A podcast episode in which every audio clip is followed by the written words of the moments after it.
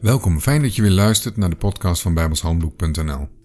De podcast waarbij we bepaalde begrippen uit de Bijbel uitvoerig bespreken. En in deze podcast gaan we verder met het begrip de Zoon des Mensen. En daarvoor begin ik met Matthäus 22, vers 35 tot 40.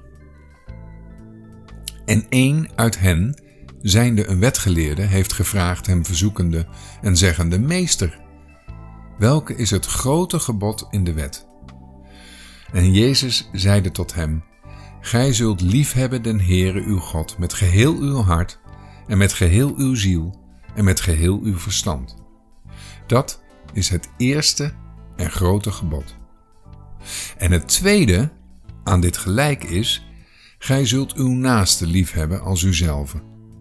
Aan deze twee geboden hangt de ganse wet en de profeten. Dat zei Jezus. Gij zult liefhebben den Heere uw God met geheel uw hart en met geheel uw ziel en met geheel uw verstand. Dat betekent dat je helemaal en met alles wat je hebt de Heere lief zou hebben. Als er dus nog een tweede gebod bij komt, wordt het lastig om dat eerste gebod nog na te leven. Dat kan eigenlijk alleen maar als het tweede gebod precies gelijk is aan het eerste. En dat moet dan ook wel het geval zijn. Ik lees 1 Johannes 4, vers 21.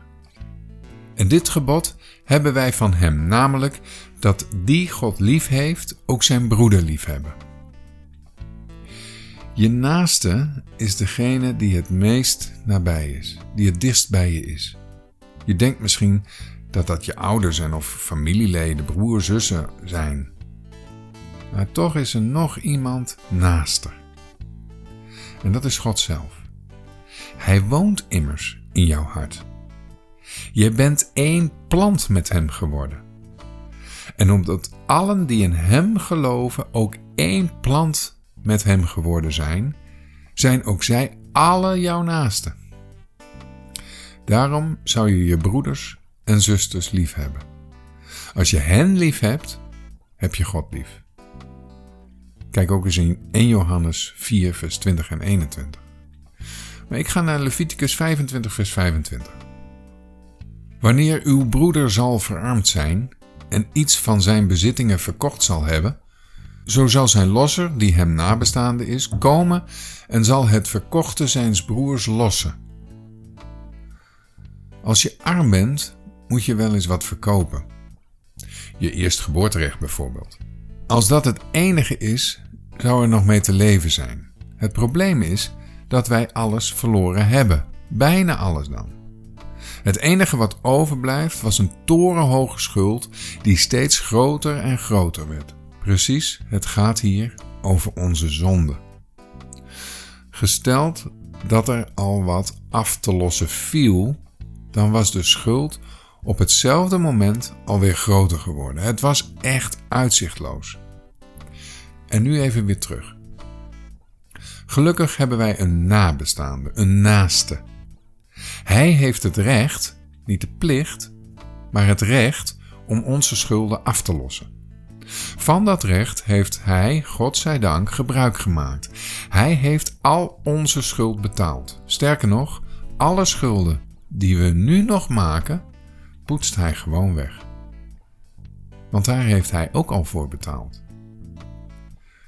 Misschien ken je het lied Genade kocht mij vrij.